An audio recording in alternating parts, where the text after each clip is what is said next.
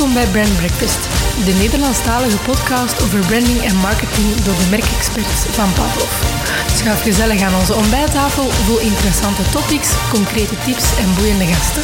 En haal meteen meer uit uw eigen merk.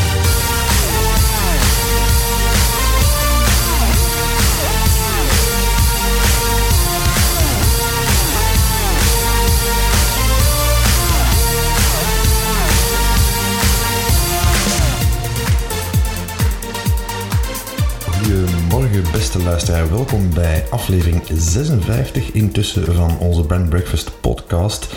Vandaag gaan we het over overtuigen, hebben meer bepaald over nudging, een uh, bekende tactiek om uh, ja, gedrag te sturen, zeg maar. En dat doen we met Reinoud van Zandijken. Goedemorgen. Reinoud is master in politieke communicatie, uh, hier in Antwerpen gestudeerd, trouwens aan de UA. En hij is wel ook founder van Exposure, een communicatie-agency gespecialiseerd in de combinatie van psychologie en data als basis voor de kunst van het overtuigen. Daarnaast is hij docent van onder andere gebruikers en gedrag bij Thomas More, nudging bij Escala en neuromarketing bij SBM.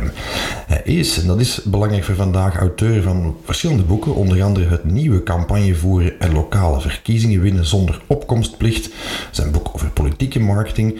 Maar samen met Siska Wibo schreef hij in 2022 ook het boek Nudging en Overtuigen, genomineerd als BAM Marketingboek van vorig jaar en uitgegeven bij Die Keuren. Welkom, Reinoud. Bedankt voor de mooie introductie. Dat is oh, ik word wat gegeneerd. Ik uh, ben maar uh, een West-Vlaming, nederig. voilà, dat is altijd een, een hele mond vol. Uh, in elk geval wel gekomen.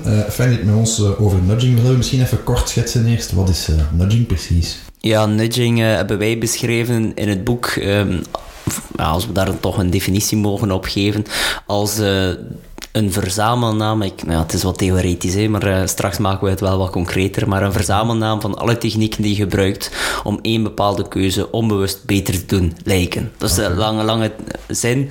Maar eigenlijk komt het erop neer dat je dus uh, een verzamelnaam van technieken een nudge. Ja, er bestaat niet zoiets als een type nudge. Het bestaat uit heel veel beïnvloedingstechnieken.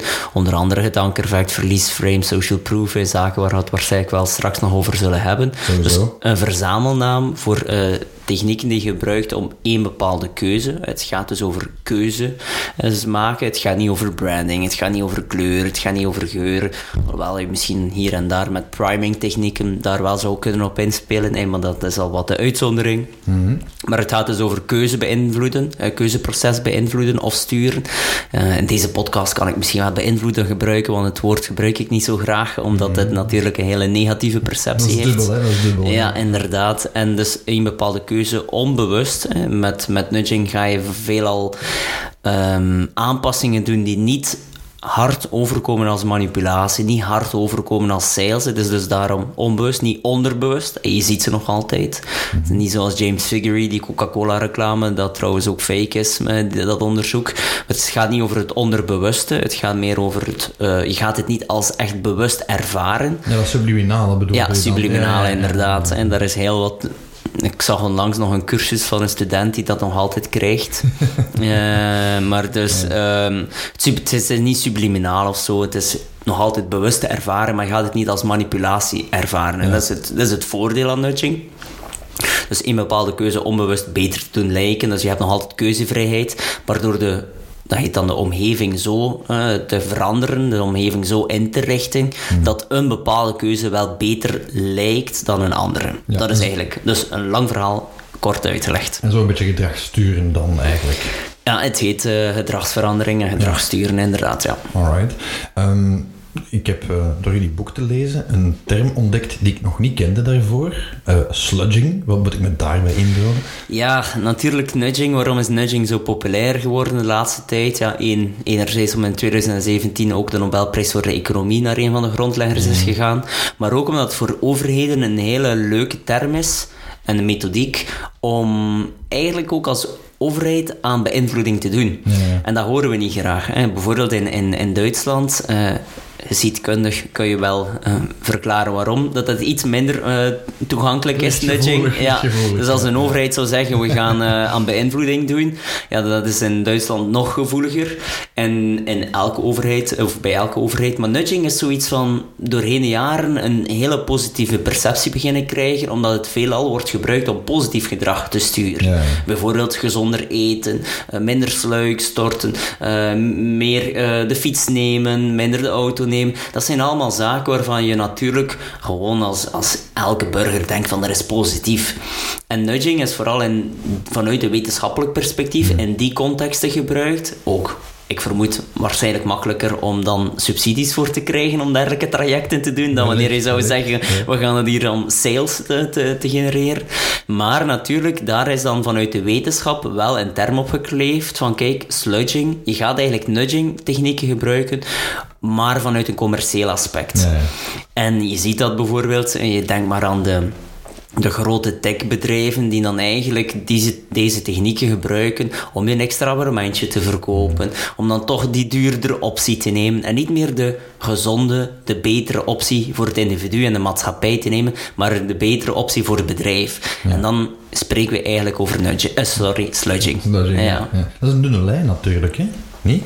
Absoluut, absoluut. Um, wij raden aan aan elk bedrijf om een ethisch kader te mm, creëren. Mm, mm. En dat hangt uiteraard van bedrijf tot bedrijf af. Uh, wij hebben zelf ook binnen Exposure een, een, ethisch kader. En een van die regels is van oké, okay, uh, eh, is het ten goede van het individu en ten goede van de maatschappij. Ja, ja, ja. En uh, dat is natuurlijk reizenzone. En wanneer spreken we over het goede van het individu?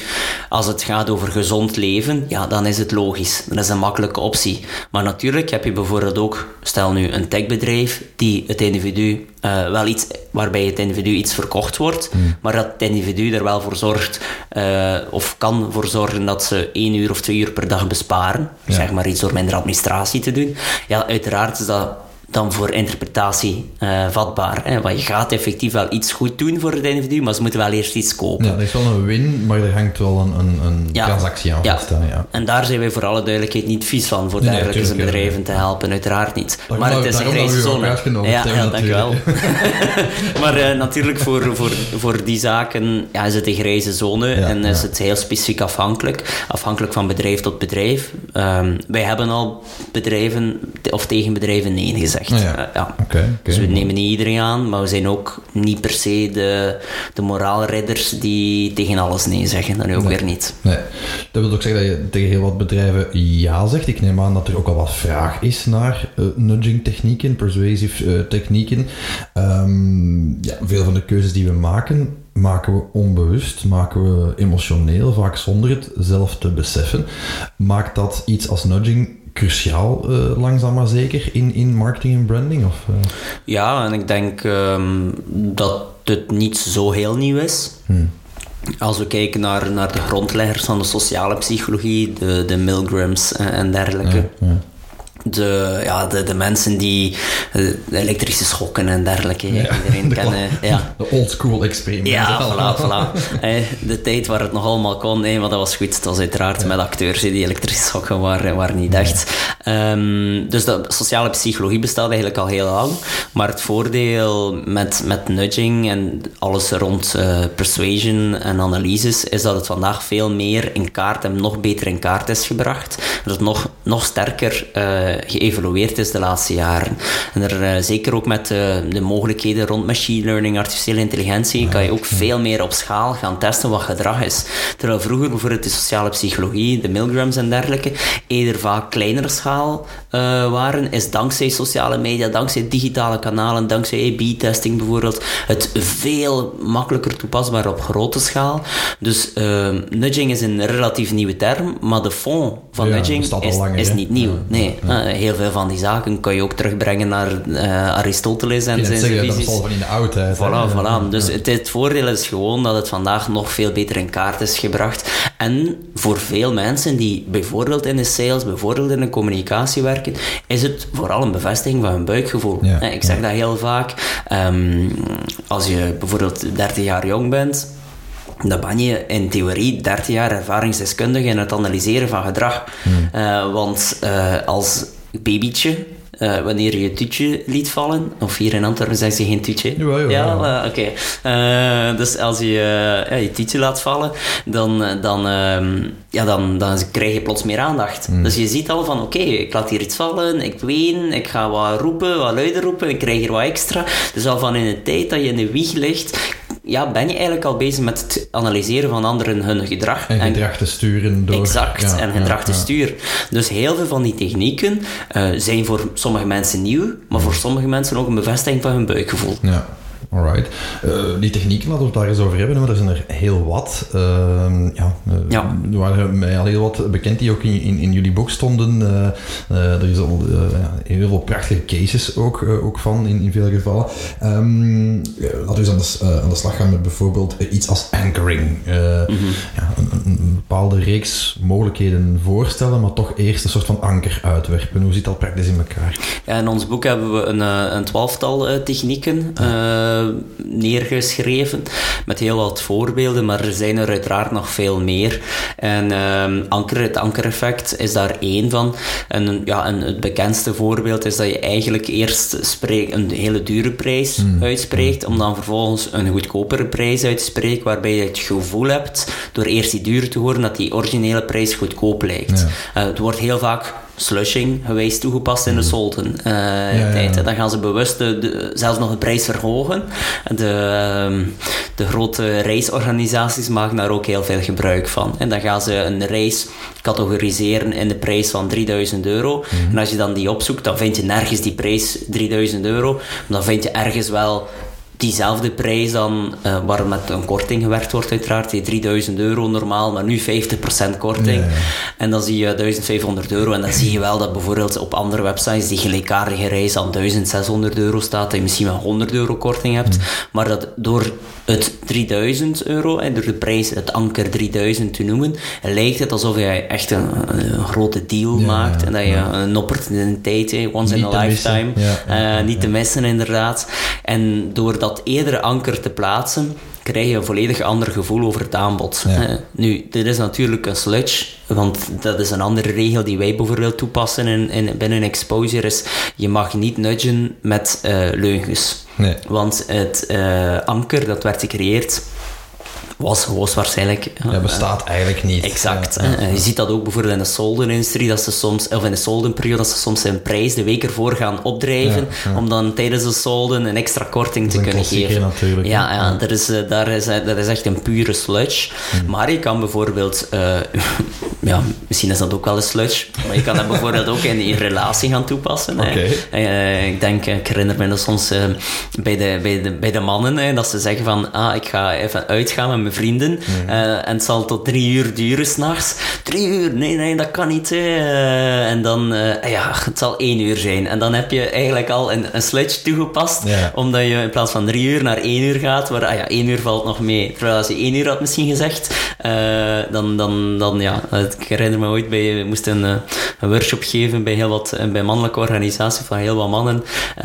En ja, dat, dat, dat klonk als muziek in de oren. Natuurlijk, de dames kunnen dat uiteraard ook toepassen. Hè. Dat Dus, is, eh, ja, dat is wat Donald Trump al beschreef in The Art of the Deal destijds. Ja. Altijd, altijd he- belachelijk hoog mikken om dan wat lager te kunnen Ja, en dat is iets wat heel vaak wordt toegepast. En eh, je kan dat in HR-perspectief ook gaan toepassen. Je kan dat in de sales marketing, je kan dat heel vaak gaan toepassen. Ankereffect is een hele leuke. We hebben dat ooit eh, toegepast eh, bij een eh palletkachelverkoper. Oké. Ja, ja dus, eh, en daar hadden we eigenlijk een, de showroom anders ingericht, eh, waar hij bijvoorbeeld eh, eerst startte. Dus de eerste palletkachel die je zag, was een goedkope kachel, want een van zijn goedkoopste, vanuit zijn filosofie. Ik ga niet onmiddellijk de duurste tonen, want anders gaan ze schrikken van de prijs. Ja, mensen lokken met Ja, een ja, lager... ja, inderdaad. Maar dan natuurlijk, dat, dat klopt, of dat kan kloppen bij een webshop. Maar wanneer mensen de moeite doen om naar je showroom te komen, dan gaan ze niet bij de eerste, de beste weggaan. Nee, nee. En dan gaan ze even nog doorwandelen. Dan hadden we dus eerst de duurste vooraan gezet.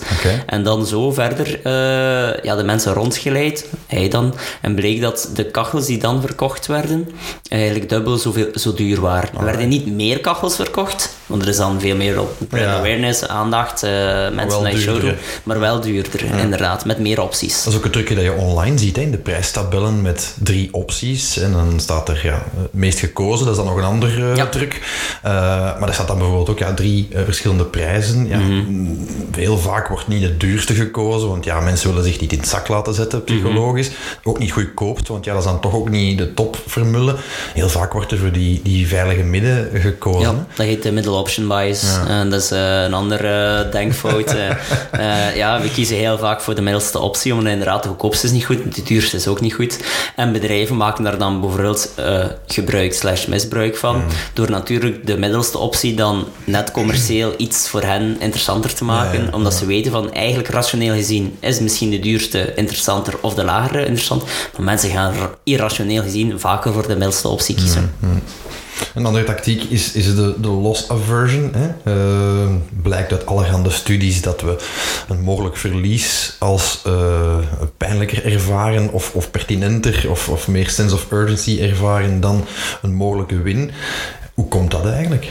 Ja, er eh, blijkt uit heel veel studies dat over het algemeen, eh, verschillende studies tonen, ze- tonen aan dat een verlies ongeveer, maar opnieuw is eh, kort door de bocht, maar ongeveer dubbel zo krachtig is Ja. als een winstvrij. En ehm, ja, dat heeft ook eh, vooral een stukje evolutionair eh, ook. Ja, natuurlijk de zaken die je hebt of de zaken die je mogelijk verliest.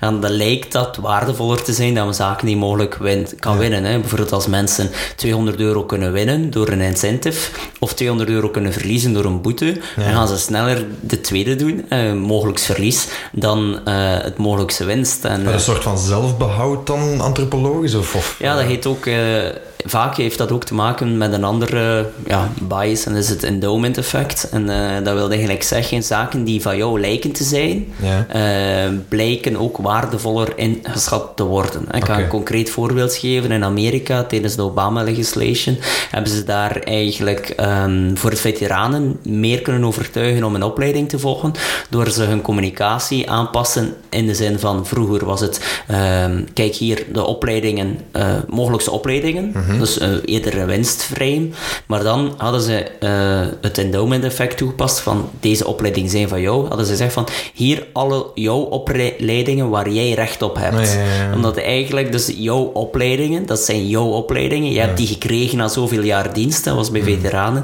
en bleek dat mensen dan meer geneigd waren om die opleiding te volgen. En het zou stom zijn om ze te laten liggen, bij wijze van spreken. Wel, exact. En dat is ook toegepast eh, bij de vaccinatiecampagne. Dus Ja, ja, ja. misschien heeft eh, de mensen die daarop gelet hebben, iedereen heeft een brief gekregen en er stond bovenaan, eh jouw vaccin ligt klaar. Ja. Eh, terwijl ik ben daar naartoe geweest en dan heb ik gevraagd, staat mijn naam daarop? Maar er stond helemaal mijn naam niet op. Hè. Dus eh eender welk vaccin, is, eh, is neem ik gewoon de eerste, de beste uit de frigo. Eh, maar het is jouw vaccin ligt klaar. Hè. Dus eh, dat is ook eh, een beetje daarop inspelende. En je kan het ook toepassen in HR. Eh, dus eh, wij hebben nooit een experiment gedaan, zoals in heel veel eh, dienstenbedrijven, eh, marketing agencies, is er altijd een uitdaging met het klokken van uren, eh, tijdsregistratie. En daar zou je kunnen zeggen, op het einde van de rit, zou je kunnen zeggen van kijk, als iedereen het do- goed doet, krijg je iets extra. Maar beter vanuit de verliesvrij is van kijk, ik heb gereserveerd in dit mooie restaurant. Het is gereserveerd. En als er, als er niet meer dan drie fouten worden gemaakt door in het jaar, wordt het niet geannuleerd. Dus je hebt, al, je hebt al de reservatie, dus het is al gereserveerd, het is al van jullie. Ja. En we gaan er sowieso naartoe, tenzij Ja. er drie fouten worden gemaakt. En dan spreek je een verliesvrij en anders spreek je een winstvrij. Alright. Je had het net al over de vaccinatiecampagne, over eh, de campagne van Obama bij, bij veteranen. Ehm, ja, we zien natuurlijk dat overheden zich ook meer en meer van die eh, persuasieve technieken beginnen te bedienen. Eh, ik las in jullie boek dat eh, de Britse regering zelfs een heuse nudge unit heeft. Ehm, in tijden waarin we ons zorgen maken over beïnvloeding door overheden, al dan niet fake news, eh, polarisatie en dergelijke meer. Moeten we dat willen volgens jou? Want je hebt ook achtergrond in, in politiek. Dus eh, eh, hoe kijk je daarnaar? In hoeverre moeten overheden hun burgers eh, willen beïnvloeden met heel de units zelfs, die zich daarmee bezighouden? Ja, dan, dan denk ik dat we wel een podcast van twee uur kunnen hebben als we het, het hele debat daarover gaan voeren. Maar het klopt dat in de UK, ze waren er samen met Amerika toch wel de pioniers in. Uh, nu, in België hebben we ook een nudge unit. Uh, er is ook al mee geëxperimenteerd, op Vlaams niveau ook. Oké. Nederland staat misschien op het Europese vasteland daar wel nog het uh, verst mee. En uh, de vraag dan, ja, specifiek moeten we dat willen? Goh, um, het is, het is twee, tweeledig. In die zin... Er is toch een ethische kant aan, hè? Ja, absoluut. En het, het gaat zelfs nog verder, het debat, omdat er blijkbaar nu ook studies aantonen dat uh, het het gedrag van politici beïnvloedt. Okay. De mogelijkheid dat er nudging is, dat was een heel interessante studie, een recente studie. Het, uh, of een, het was meer een debat dan echt een studie waarbij uh, blijkt, of zou blijken, uh, dat um, doordat nudging er is, politici minder geneigd zijn om moeilijke beslissingen te nemen. Mm -hmm. Omdat ze zeggen van, kijk, in plaats van te zeggen, ik ga uh, vaccinatie verplicht maken, hè, stel nu hypothetisch, ik ga vaccinatie verplicht maken, gaan ze eerder kiezen van, oei nee, dat kan mijn electoraal afgestraft worden. Mm -hmm. Maar met nudging heb ik nu wel een tool, methodiek, om zoveel mogelijk mensen te nudgen okay. naar vaccinatie, waardoor ik alsnog mijn doelstelling bereik ja. en ik niet afgestraft word voor de, ja, de negatieve zaken. Ja, ja, maar natuurlijk, perverse kant daaraan is dat beleid minder snel wordt doorgevoerd. Mhm. Mm -hmm. Omdat ze dus nu in plaats van, je zou bijvoorbeeld kunnen zeggen, we maken vaccinatie verplicht en het moet eind deze maand Ja, in orde zijn. morgen dan is het morgen. ja. Ja, Terwijl ja. nudging, ja, twee, drie jaar duurt bijvoorbeeld om iedereen overtuigd te krijgen. Er altijd uitzonderingen zijn die niet op ingaan.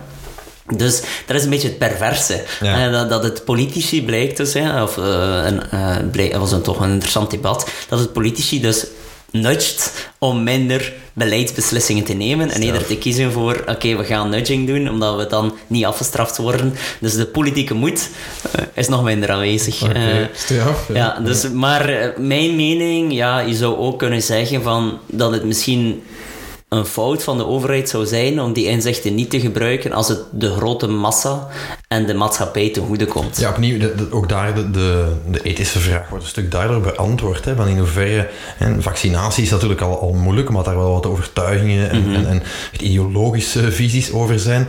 Maar ja, stoppen met roken bijvoorbeeld, ja, of gezonder eten, ja, Ja. dat komt in principe het individu, eh, de politiek, de maatschappij, de belastingbetaler ten goede. Correct. Ehm, Maar ook in bedrijven, eh, eh, als het gaat over de, de, de, in grote bedrijven dan de dagschotels. Ja, ja, eh, dan- ja, daar zou je ook kunnen zeggen van kijk, we, maken, we werken met een eh, opt-out. Voor, eh, of sorry, een opt-in voor, eh, voor vlees, om vlees te eten. Ja. En nu is heel vaak van, ik moet aangeven dat ik geen vlees wil. Ja, ja, ja. En je zou kunnen zeggen van, ik, moet, ik zal aangeven uh, wanneer ik... Uh, uh, het is omgekeerd, dus ik moet aangeven als ik geen vlees wil, zou je kunnen zeggen van, dat je het ook omgekeerd doet. Ja, ja. En zodanig dat uiteindelijk, wat we zien dat in opt-out, opt-in, dat heet de default option, ehm, dat mensen eigenlijk door gemak hun gedrag gewoon de standaard volgen, de standaard optie heet dat dan in het Zo is Nederlands. dat met orgaandonoren, geloof Ja, ik. hè? exact. Eh. Dat is het bekendste voorbeeld. ja, ja. Maar je zou dus ook als bedrijf kunnen zeggen van kijk, ik wil nog altijd de mogelijkheid geven om vlees te eten. Ja. Is, niet, is niet een probleem. Maar ik maak het iets moeilijker. Ja. Eh, en dat is eigenlijk voor veel bedrijven dan een makkelijke tussenstap.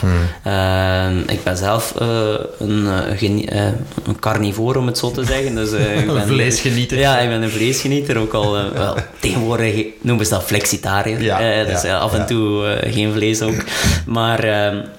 ja, voor bedrijven is dat wel een makkelijke tussenstap Ja. eh, om te nemen in het transitie van enerzijds gezonde voeding en anderzijds ook de impact op het milieu. Mooi zo. We hebben het er net al over, over cijfers gehad. Cijfers zijn een zeer krachtige overtuigingstoel, eh, te koer in marketing.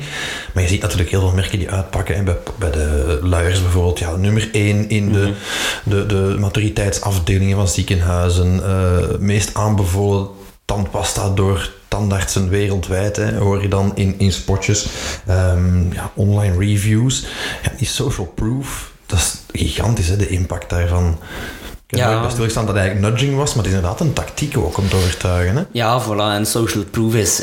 Ja, als we, als we zouden zeggen dat social proof een nudge is, dan is dat eigenlijk oude wijn in een nieuw zakje, uiteraard, want dat bestaat al heel, heel lang. Maar het is, zoals ik in het begin zei, een techniek die onder de term nudging kan vallen. En het, het is een hele eenvoudige, die een hele krachtige, een hele, mak, een hele sterke impact heeft. En voor bedrijven heel makkelijk toe te passen is. Ehm, ja, want een getuigenis verzamelen, daar wat op inzetten, is iets dat je perfect in je bedrijfsprocessen kan toepassen. Maar ja, we zien elke studie toont tegenwoordig aan hoeveel mensen eh, er wel niet kijken naar de reviews, influencers, ja, het is, het is die aanbevelen. onmisbaar geworden. Hè? In Ja. alles. Hè? Welke tv-serie ga ik kijken op Netflix? Kijken Mhm. we naar hoeveel procent match is er met mijn profiel? Mhm. Eh, eh, niemand koopt nog iets online zonder reviews te lezen, denk ik dan. Toch zeker bepaalde bedragen. Ja, en ik denk het social proofen van je merk is, is, gewoon cruciaal vandaag. En dat heeft ook te maken met natuurlijk de, de volwassenheid van mensen en de digital savvy, hoe digital savvy ze worden. hè. Dus hoe meer vertrouwd of hoe meer, makkelijker ze ook de technieken doorzien en de marketingtechnieken doorzien. En hun vertrouwen in iemand anders is dan is, groter. dan, het is eigenlijk al, ja. Wij vertrouwen iemand aan de andere kant van de planeet die zegt dat is een goede fotocamera. Mhm. Terwijl ja, dat bedrijf zegt eigenlijk net hetzelfde natuurlijk, onderbouwt dat met allerhande argumenten. Mhm. Maar we zijn makkelijker geneigd om mensen te vertrouwen dan merken, denk ik dan. Absoluut. En eh, ook daar moeten mensen echt wel letten op het feit eh, dat ook dat kan beïnvloed worden. En ik heb eh, hele mooie voorbeelden in mijn workshops rond van bol.com. Eh, niet van bol.com zelf, maar bol.com is vandaag veel meer een marketplace Ja, dan dat het ja, is een Ja, platform dan dat het eigenlijk een, een webshop is. Allee, een, zoals Coolblue een webshop is. Maar vandaag is het dus een eh, platform voor iedereen die het kan gebruiken.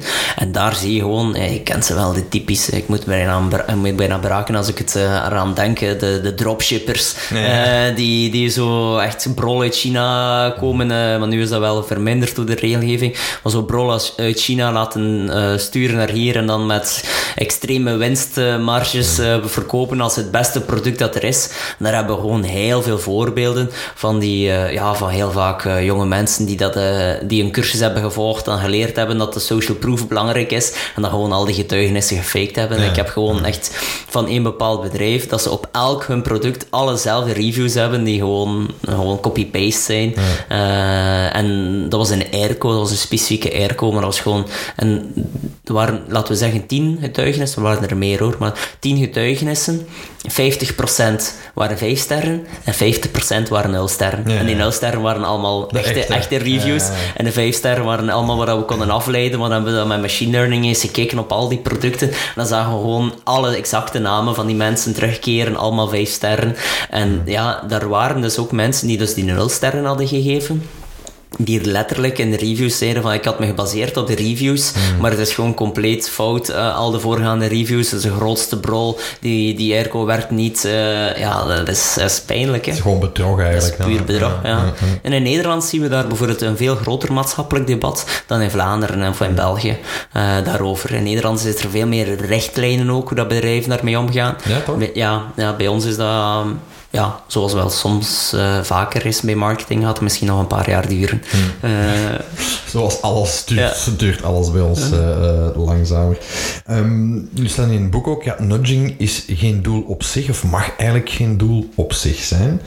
Ehm, dat is natuurlijk wel een krachtige tool om mensen richting te geven, hè, bij, te sturen in gedrag en en de, te sturen in een richting die je prefereert of die je wil als merk of als overheid of als entiteit. Ehm, ja, hoe implementeer je concreet een strategie als merk om dat in te voeren? Want dat, het is bijna onmisbaar, hè, de tactieken toepassen. Ja, en eh, wat we vooral bedoelen met het mag geen doel op zich zijn, is wat we soms vaststellen, is inderdaad, iemand heeft ooit iets geleerd eh, of gelezen of gezien over nudging en dan krijg ik een mailtje van, we willen iets doen met nudging. Ja, we willen eens gaan nudgen. Ja, ja, ja, maar, maar dat, dat kan niet. Hè. Dus Nee. je, je moet je echt wel gaan nadenken wat- welk gedrag, of ja, vooral welk gedrag wil ik veranderen. En ehm, dan kan dat bijvoorbeeld zijn, en dat moet je ook zo specifiek mogelijk maken, eh, maar dat kan dan bijvoorbeeld zijn dat je zegt van kijk, ik wil 20% eh, minder eh, vlees over de middag, Ja. of minder frieten over de middag verkopen in ons bedrijfsrestaurant. Dat is Meer water, minder frisdrank. eh, Bijvoorbeeld. hè. ja. En dat is natuurlijk interessant omdat je als bedrijf iedereen weet, als je frieten hebt gegeten over de middag, dat de performantie eh, in de namiddag lager zal Dat liggen. ook- dat ook, Ja, ja. maar ook gezonder eh, kan je, of beter, dan kan je beter de gezonde optie nemen. Dus dat is een veel concretere doelstelling en eigenlijk zou die nog concreter moeten gemaakt worden in percentages, welke dag, welke periode, welke mensen. Je kan er nog heel specifiek in gaan, maar hoe specifieker, hoe beter. En uh, ja, dat is dan een beetje waar we ook bedrijven in helpen, is gaan kijken van hoe moet je dat specifiek doen, waar kan je gaan helpen. En dat je dan eigenlijk daar zo mee start. En dat is de start, wij hebben dat het kompas voor verandering. En de eerste stap is eigenlijk echt de, de probleemanalyse, maar dat is in marketing overal zo. Hè. Dus dat is niets nieuws. Je gaat je doelgroep goed analyseren, maar ook daar, waarom waarom uh, stellen mensen dit gedrag? Dat is toch niet onbelangrijk, hè? Als je een strategie ontwikkelt, welke exact, dan ook, is dat je daar een zicht op krijgt. Ja, en dat kan heel eenvoudig met wat mensen te bevragen. Want soms denken bedrijven dat dat heel veel werk is. Maar ik zeg gewoon van, uh, start eens met tien mensen die een bepaald gedrag uh, vertonen. Start gewoon eens met tien mensen, kort eens een kwartiertje te bevragen. En daar ga je al enorm veel inzichten uithalen. Want als het gaat, want we hebben ooit zo'n bedrijf gehad die vroeg van, ja, we willen onze arbeiders gezonder doen eten over de middag. Okay. Maar heel vaak frieten, hamburgers en dergelijke. Ja, vroegen van, hoe komt het dat ze niet hmm. gezond eten? Ja, en dat kan zoveel zaken zijn. Ja, dat kan met tijd, eh, prijs... Uh, ja, of peer pressure. Dat de leider van de groep, uh, van de, de, leider van de groep frieten gaan halen en dat je niet durft afzonderen van de groep. Het hmm. kan zijn dat je geen kennis hebt over gezonde voeding, dat je dat denkt dat dat wat komkommer, salade en tomaat zijn. Hmm. dat kan zijn dat je... Dat, dat gezonde voeding te duur is mm, uh, voor jou. Dat kan zijn dat je, dat je niet weet welke gerechten je allemaal kan maken. Dat je, dat je, dat je bijvoorbeeld als arbeider niet kan koken. Mm. Uh, dat je dat gewoon niet doet en dat het altijd maar thuis iets gaan halen is. Uh, dus er zijn zoveel mogelijke redenen waarom je niet gezond eet, dat het daar wel mee start. Want als het bijvoorbeeld te maken heeft met de leider die, die dat doet ja, dan ga je een volledig andere nudge gaan uitwerken dan wanneer het over kennis of over geld te ma uh, ja, mee te maken heeft. Dus ja, dat is de start. Right. Dus uh, think before you start. Een goede strategie, uh, zoals ja, alles. Uh, ja, in de marketing gaat er een professionele marketeer zeggen van start before you think. Ja. Dus ja, dat is, dat is, ja, dat is Dat debat hebben we hier ook al een paar ja, gevoerd aan deze tafel. Ja. laten we het nog eens over, um, over een paar tactieken hebben. Hè. Um, de, de, de, reciprociteit, zoals dat met een moeilijk woord heet. de, de wederkerigheid. De wet van de wederkerigheid. Um, wat ik me daarbij afvroeg, en dus ja, het is geweten, mensen houden een bankrekening bij. Je bent geneigder om iets te doen of iets toe te stemmen aan iemand die al wat voor jou gedaan heeft. Hè. Gaande van een snoepje krijgen op restaurant voor je de rekening betaalt, waardoor de fooien hoger gaan. Een voorbeeld dat ook in mijn vorige boek eh, mm. stond en dat ik herkende in dat van jullie. Um, die wederkerigheid, ja, dat speelt een enorme rol. Van een andere kant heb ik de indruk, sinds de opkomst van alles wat content marketing is, dat er bij een hoop mensen ook wel een soort van ja, gewenning ontstaan is van, ah ja, oké, voor een whitepaper moet ik iets doen, hè, moet ik uh, reageren, moet ik een e-mailadres uh, opgeven en zo. Ja, is is de, de, de wet van de wederkerigheid nog even krachtig als uh, 10, 20 jaar geleden of verliest dat dan impact je? Wel, mijn aanname op deze vraag zou zijn ja, dat ik daarin volg. Het is een aanname, want ik weet niet of dat er überhaupt onderzoek naar gedaan is. Maar, um, ik spreek ook maar uit buikgevoel. Hè. ja, mijn aanname is ja, omdat ik wel uit een ander onderzoek, uit andere onderzoeken uh, weet dat de, de, persuasion knowledge, heet het, uh, van, van een doelgroep heel belangrijk is op de impact van je nudge. Okay. om dat wat concreet te maken. Dus naarmate mensen weten dus knowledge over het overtuigingstechniek dat je toepast, de moeilijker ze te overtuigen zijn. Okay, En het werkt zelfs soms contraproductief. Mhm. Dus dat wil zeggen, als iemand ziet, uh, bijvoorbeeld in een salesgesprek, ik word hier massaal gemanipuleerd, dan gaan ze net nog meer defensiemechanismen creëren. Hakken in het zand. Ja, exact. En dat is ook bij tweekerigheid zo. Dus de persuasion knowledge van mensen is zo dermate gegroeid dat we weten, als we een e-book downloaden, dat er iets aan vasthangt. En dat er een funnel achter zit, dat er inderdaad verschillende technieken achter zit. Waardoor dus de persuasion techniek door hun hogere persuasion knowledge minder effectief zal zijn. Mm, mm. Eh, dus om te antwoorden op je vraag, zal dat doorheen de jaren gedaald zijn? Dat kan ik niet vanuit statistiek op antwoorden, maar vanuit mijn aanname gebaseerd op andere wetenschappelijk en psychologisch onderzoek zou ik wel kunnen zeggen, die kans is groot. Uh, vanwege die persuasion knowledge, die steeds meer en meer stijgt. Maar om onszelf te challengen, denk ik ook wel dat er een stukje van ons dan uh, curse of knowledge is, dat wij dat doorzien. Ja, maar omdat jij een hoge persuasion knowledge hebt, Maar ik denk dat de massa uh, hun prestige knowledge toch nog, nog, nog beperkter is. Nochtans valt het soms op. Hè. Ik was een, een, dat is al jaren geleden, denk vijf, zes, zeven jaar geleden, op een uh, soort van uh, congres slash netwerk evenement. Ik weet niet meer exact hoe ik het moet omschrijven. Maar, en er, waren, er was een duo sprekers van hetzelfde bedrijf. En die kwamen, ze lieten geen kans onbenut om te zeggen dat ze daar gratis waren. Hmm. En, en om de tien minuten zeiden ze van ja, hè, we bieden jullie al deze informatie gratis aan. En, ben je toch al te braken, ja, zo hoge persuasion en, voilà, en denk, denk daaraan straks, hè, want ja, onze boeken zijn te koop en onze cursussen zijn te koop. En ik ben halverwege weggegaan en dacht, is dit voor, dat is een reclamespot eigenlijk gewoon. Hè. De content was echt niet zo waardevol. Mm. Maar ik zag rondom mij mensen echt knikken van, oh ja, en die mensen komen dat gratis doen en zo straks maar een boek kopen. En, ik vond inderdaad uh, waanzin. Hè. Ja, ik heb nog een leekkaardige anekdote. Uh, ik heb ooit, uh, ooit eens een seminar bijgewoond, ik ga niet noemen wie, van een wat bekendere in Vlaanderen guru, zelfverklaarde guru. Ik denk dat we weten of ik uh, en, en, um, en er was dus start en dan een pauze rond, rond 11 uur, denk ik, of zoiets. Mm. En... Um, op die, in die pauze uh, heb ik hem, iemand ontmoet die ook bezig was met, met persuasion, maar dan eerder, eerder vanuit uh, charisma en leiderschap okay. uitstralen ook. Ja.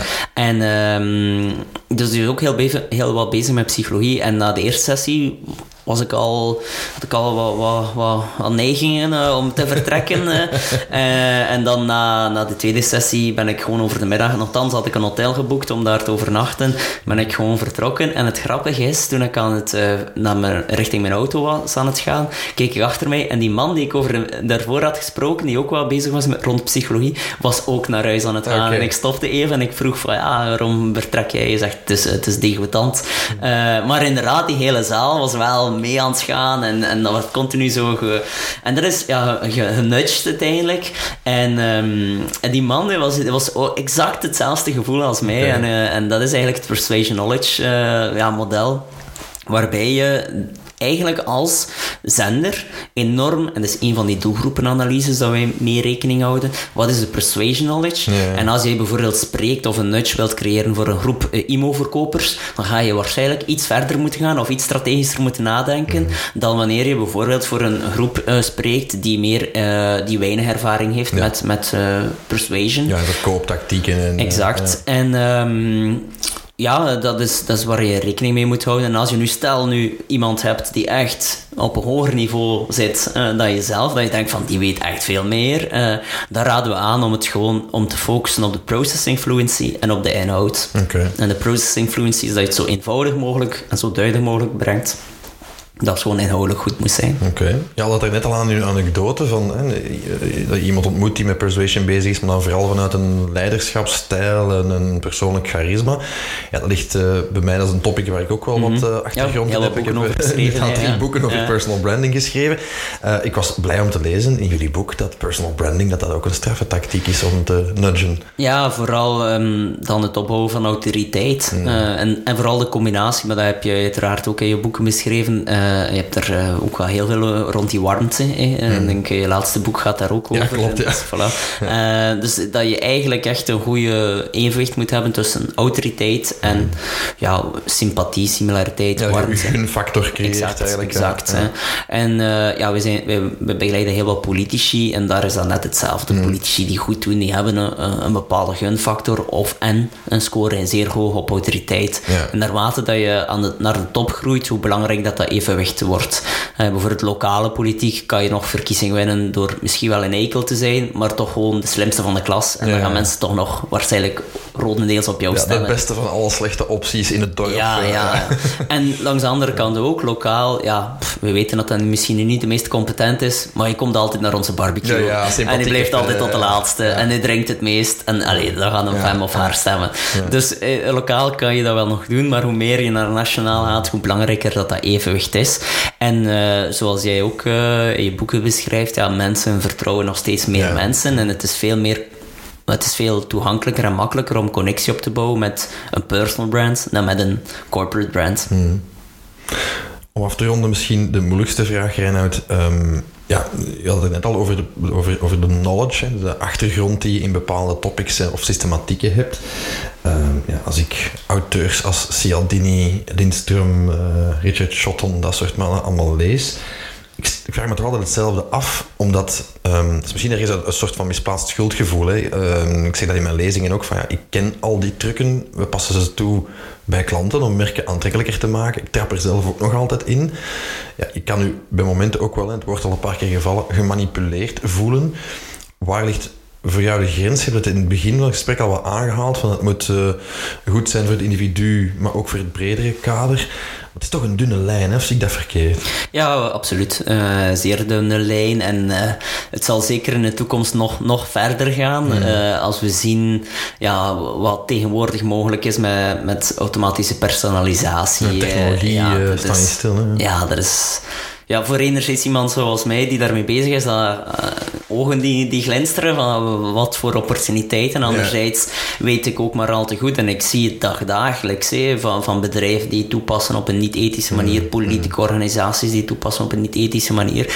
En ja, vandaar denk ik dat het eerder vanuit een maatschappelijk debat zou moeten komen. Van hoe ver willen we hier gaan? Dat zeker de overheid daar misschien ook wel wat richtlijnen mm, zou moeten in kunnen maken. Uh, en zoals deze, de verandering begint bij jezelf. Uh, en dat je daar zeker als organisatie, bedrijf, uh, individu zelf ook een, een bepaald kader moet in hebben. Dat er juist en spaarzaam mee omspringt dan. Ja, voilà, voilà. En ook uiteindelijk, als je daar echt in overdrijft, keer toch als een reputatie. Hij komt uh, te voet en gaat te paard. Dus uh, als je daar toch in overdrijft, dan word je toch gezien als... Uh, mensen spreken dan bijvoorbeeld in een andere podcast over die lezing die ze gevolgd hebben. En dat, dus, ook al noemen ze geen namen, maar dus dat, dat, dat, uiteindelijk keert dat toch terug. Ja, ja, ja. Dus ik zou, ik zou dat zeker nooit aanraden. Ik ben daar zeer schaars in, in het, te, in het toepassen van dergelijke technieken. Of ik raad het toch aan binnen bedrijven. En van, ja, zoals reeds gezegd, probeer een kader. Wij hebben dus drie regels. Hè, wat, te voordeel het individu, te voordeel van de maatschappij, niet liegen. Of natuurlijk heb je zoals de dichterlijke vrijheid ook wel een bepaalde vrijheid in de marketing. Hè. Je gaat bepaalde zaken meer gaan belichten dan andere zaken, uiteraard.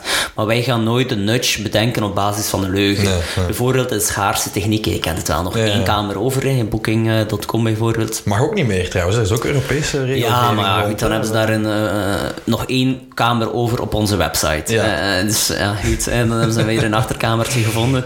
Maar dus dat zouden wij bijvoorbeeld nooit doen als dat niet zo is. Natuurlijk wat we wel doen, is bedrijven aanraden om massaal uit te spelen dat de laatste kamer is, als het effectief de laatste ja, kamer is. Ja, ja, Want dan weten we uit de psychologie dat het goed werkt. Nog een andere belangrijke voor ons is de relatie, zender en ontvanger. Mm. Als je bijvoorbeeld bij een uh, Van de Borre gaat en je spreekt daar een verkoper aan, dan weet je dat de relatie, ik ben koper, jij bent verkoper, jij probeert me iets aan te smeren, mm. om het wat cru te zeggen. je probeert me te helpen, zo, de, zo Van de Borre zeggen. dus, adviseren. ja, voilà, adviseren. Dus je weet, dan, dit is een relatie koper-verkoper. Hmm. Dus je weet, dat is helemaal anders dan bijvoorbeeld een relatie dokter-patiënt. Hmm. Want een patiënt zou een dokter moeten vertrouwen. Hmm. Um, en dat is een hele andere relatie. Of overheid-burger is ook weer een hele andere relatie. Dus daar, daar houden wij ook rekening mee. Maar dat is al iets subjectiever dan wanneer okay. je zegt van de info is een leugen of is fout of is niet fout. Dat is relatief objectief. Maar wij houden ook heel hard uh, rekening met de relatie uh, zender en ontvanger. Alright. Super, mooi om op, uh, om op af te ronden. Dankjewel Reinhard voor, uh, voor al die inzichten in uh, Jullie bedankt voor de uitnodiging. Zeer graag gedaan. Um, mensen die aan de slag willen met nudgingexposure.be kunnen ze ja. jou vinden. Nog één boek over. Nee, nee dat, is niet waar, dat is niet waar. Het laatste boek, het laatste exemplaar is, is, nu te koop ja. bij uw lokale boekhandel Nudging en Overtuigen van Reinhard van Zandijken en Siska Wibo. Uitgegeven bij Die Keuren. merci Reinhard. Voor u luisteraars ook bedankt om het om te luisteren weer al. Um, aarzel niet uw vragen, opmerkingen, bedenkingen te sturen. Hello at brandbreakfast.be. Mocht je dat nog niet gedaan hebben, vergeet zeker niet uh, te abonneren. Dan mist u geen enkele toekomstige uh, aflevering. Er komen er trouwens weer heel wat interessante aan. En ons, ook ons vijfjarig jubileum trouwens komt eraan. Dus uh, we gaan wel proberen van daar ook iets speciaal mee te doen. In elk geval bedankt voor het luisteren en graag tot een volgende.